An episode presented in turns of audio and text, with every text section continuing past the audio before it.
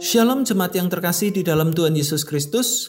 Penuntun saat Sinode Gereja Kristen Jakarta hari ini, Jumat 10 Juni 2022. Roh Kudus yang memperbarui hidup, nas terambil dari Titus pasal 3 ayat yang kelima. Pada waktu itu dia telah menyelamatkan kita, bukan karena perbuatan baik yang telah kita lakukan, tetapi karena rahmatnya oleh permandian kelahiran kembali dan oleh pembaruan yang dikerjakan oleh roh kudus. Metamorfosis adalah proses perubahan ulat menjadi kepompong. Kemudian kepompong itu berubah menjadi kupu-kupu. Perubahan ulat menjadi kupu-kupu adalah sesuatu yang mengagumkan. Metamorfosis artinya bentuk yang berubah, Sebetulnya yang terjadi pada kupu-kupu bukan hanya bentuknya yang berubah, tetapi juga gaya hidup. Ulat berjalan merangkak, namun kupu-kupu bisa terbang.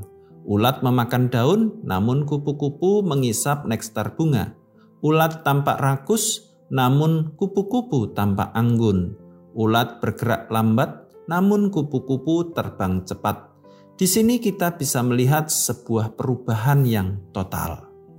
Paulus berkata kepada Titus supaya ia menasihati jemaat Kristen di Kreta. Nasihat itu adalah supaya mereka tidak lagi hidup seperti dulu sebelum mengenal Tuhan Yesus. Sebelum mengenal Tuhan Yesus, hidup mereka tidak taat, sesat, menjadi hamba berbagai-bagai nafsu dan keinginan, hidup dalam kejahatan dan kedengkian, keji, saling membenci, seperti yang dikatakan di ayat yang ketiga.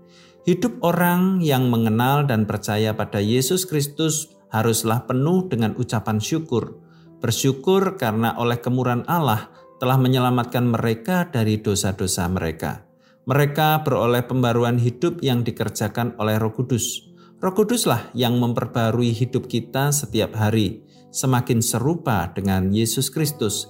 Kita dimampukan untuk selalu bertekun dalam doa serta berbuat baik kita melakukannya sebagai bentuk ketaatan pada firman Tuhan.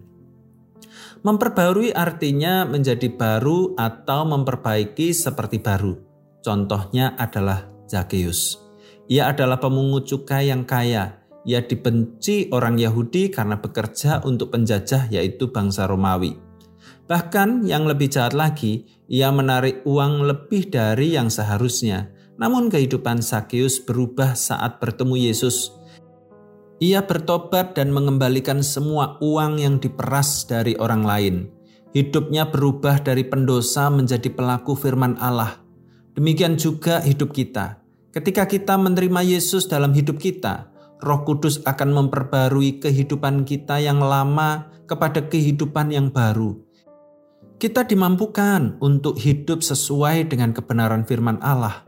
Roh Kudus yang menolong kita dan memampukan kita untuk hidup sesuai kehendak Allah. Berjumpa dengan Yesus akan mengubah hidup kita menjadi baru dan terus diperbarui oleh Roh Kudus. Selamat beraktivitas, Tuhan Yesus memberkati.